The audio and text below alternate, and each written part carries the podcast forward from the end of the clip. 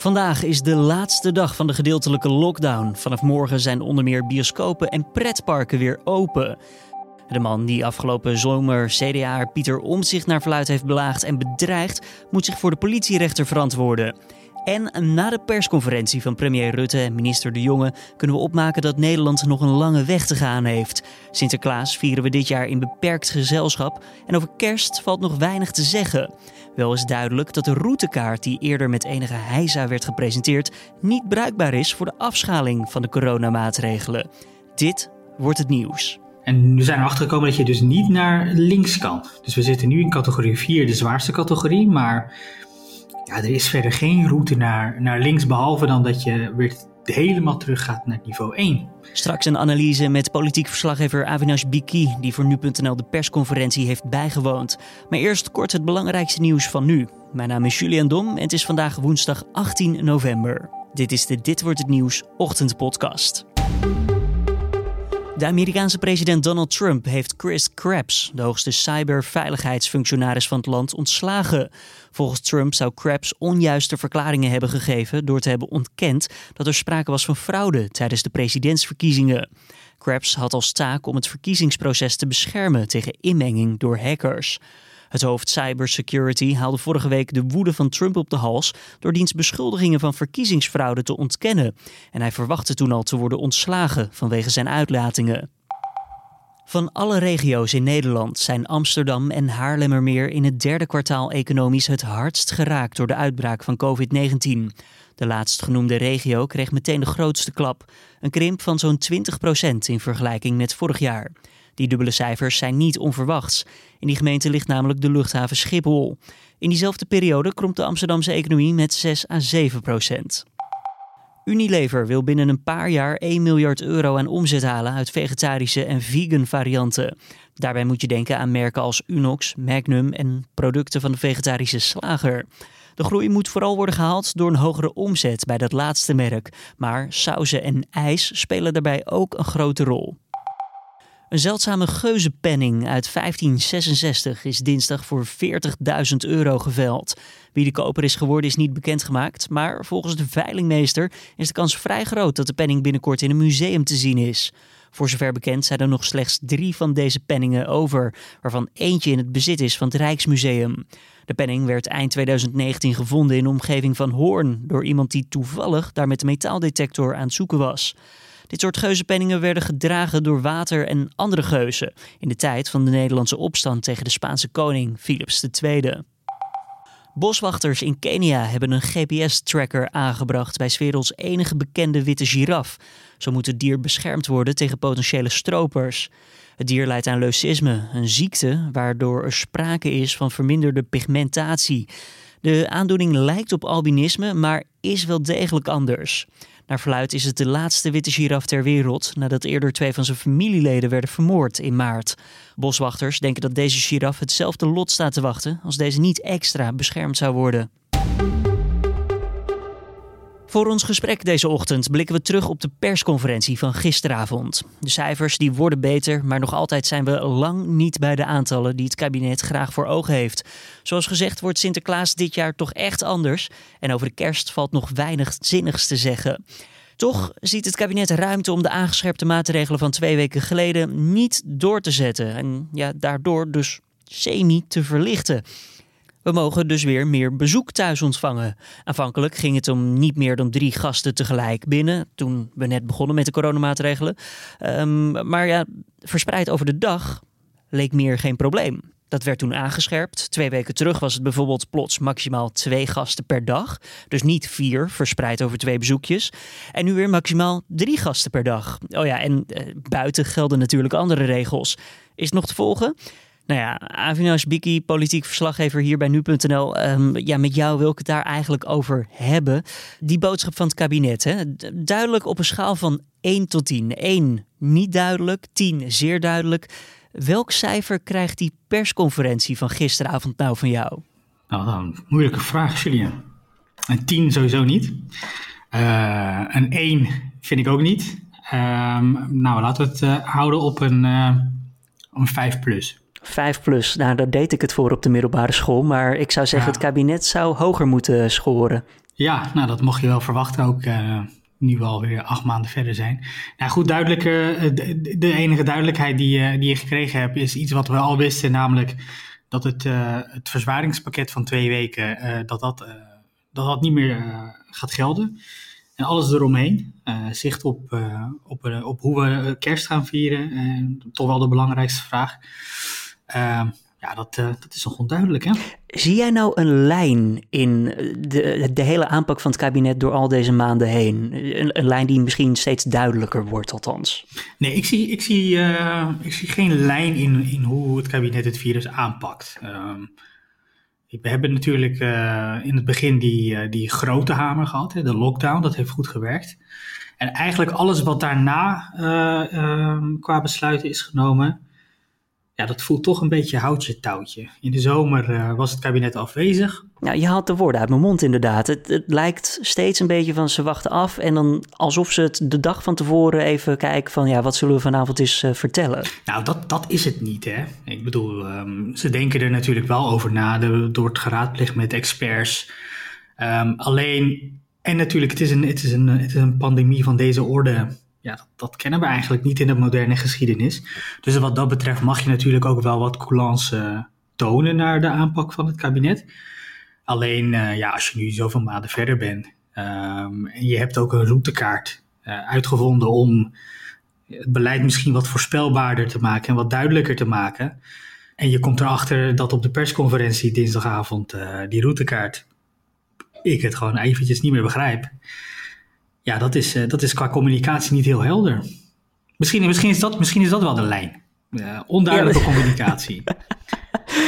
Over die routekaart, denk je dat uh, Rutte dan wel de jongen zelf daar nog iets in hebben gezien voor deze dinsdagavond? Nou, we zijn dinsdagavond er wel achter gekomen dat je op de routekaart wel naar rechts kan bewegen. Dat wil zeggen, hè, we hebben vier uh, risiconiveaus. Uh, en elke hoger risiconiveau, daar hoort een zwaarder pakket aan maatregelen bij. Afhankelijk van het aantal besmettingen dat er oploopt in een regio. Dat weten we. Ehm, we zitten al in de zwartste categorie op dit moment. Um, en dan vraagt iedereen zich natuurlijk af, nu de besmettingen dalen, komen, kunnen we dan ook een, misschien een soort van een versoepeling tegemoet zien. En we zijn erachter gekomen dat je dus niet naar links kan. Dus we zitten nu in categorie 4, de zwaarste categorie. Maar ja, er is verder geen route naar, naar links, behalve dan dat je weer helemaal terug gaat naar niveau 1. Terugschakelen is onmogelijk. Terugschakelen is onmogelijk. Nou, dan zou je zeggen dat is helder. Je kan alleen maar naar één. Zo kan je het ook zien. Ja, zo nou, kan je het dat ook zou je, inderdaad. Hè, dus als de besmettingen uit de hand lopen, dan sla je dat plat totdat je dat weer onder controle hebt, uh, zoals in uh, niveau 1. Maar uh, opvallend was, was dat uh, minister De Jonge opeens zelf uit zichzelf verwees naar de routekaart en naar niveau 2. Namelijk dat als de besmettingen uh, op 8 december, in december in ieder geval, op het niveau liggen wat hoort bij niveau 2 in de routekaart, dan zou er weer gedacht kunnen worden aan versoepelingen. Maar ja, je kan niet naar links bewegen. En uh, er is ook geen pakket aan maatregelen wat voor ons inzichtelijk is en voorspelbaar is van wat hoort er nou bij. Dus uh, we zitten nog steeds uh, zonder perspectief. Terwijl heel veel mensen daar misschien toch wel op gehoopt hadden. Waarom maken ze het zo moeilijk voor ons, Avi? Of denk jij dat ze het zelf wel vinden dat ze het makkelijk uitleggen? dat is een goede vraag. Vinden ze zelf dat het helder is? Hmm. Nou, oké, dat moeten zij maar gewoon beantwoorden of zij vinden dat ze er helder in zijn of niet. Um, ik, denk, ik denk dat ze het hier. Kijk, eh, ik denk, ik denk heel duidelijk dat als de feestdagen er niet zouden zijn, dat dan de boodschap gewoon was: uh, dit gaat tot half januari duren. Zo simpel is het. En uh, we houden de besmetting in de gaten. Als het de verkeerde kant op gaat, dan grijpen we weer in. Maar ze willen toch tegemoetkomen aan ja, toch die oproep uh, die mensen hebben: hè, van het gaat de goede kant op ik moet er wel bij opmerken, 4000 besmettingen uh, per dag. Dat is uh, nog steeds veel en veel en veel en veel te hoog. dus mensen zien misschien wel die trend naar beneden, dat die is ingezet. Maar we zitten nog lang niet op een niveau dat we ook maar in niveau 3 of zo zitten. dat gezegd hebbende, moeten ze toch ja, tegemoetkomen aan mensen. Of althans, ze hebben het idee dat ze tegemoetkomen moeten komen aan mensen die toch afvragen van ja, oké, Sinterklaas, uh, dat gaat waarschijnlijk uh, niet gebeuren. Daarvan werd gezegd, uh, vier het in zeer beperkte vorm. Maximaal die drie mensen die je van buitenhuis binnen mag hebben, toch? Inderdaad. vier het in, in een klein gezelschap of verspreid het over de dag. zeg maar een soort van een blokjes Sinterklaasviering. Ook weer opmerkelijk, hè? want blokjesverjaardagen die mogen dan weer niet. Uh, goed, ja, uh, ik zou zeggen, kijk op de routekaart, maar daar staat ook helemaal niks op. Dus ja, we moeten, we moeten het ermee doen. Uh, dus Sinterklaas is in ieder geval, weet je, dat is, dat is klaar. Dat, dat gaat heel klein gebeuren. alleen dan, ja, dan die kerstdagen. kan dat dan misschien wat soepeler? ja, mijn verwachting is dat dat toch niet gaat gebeuren hoor.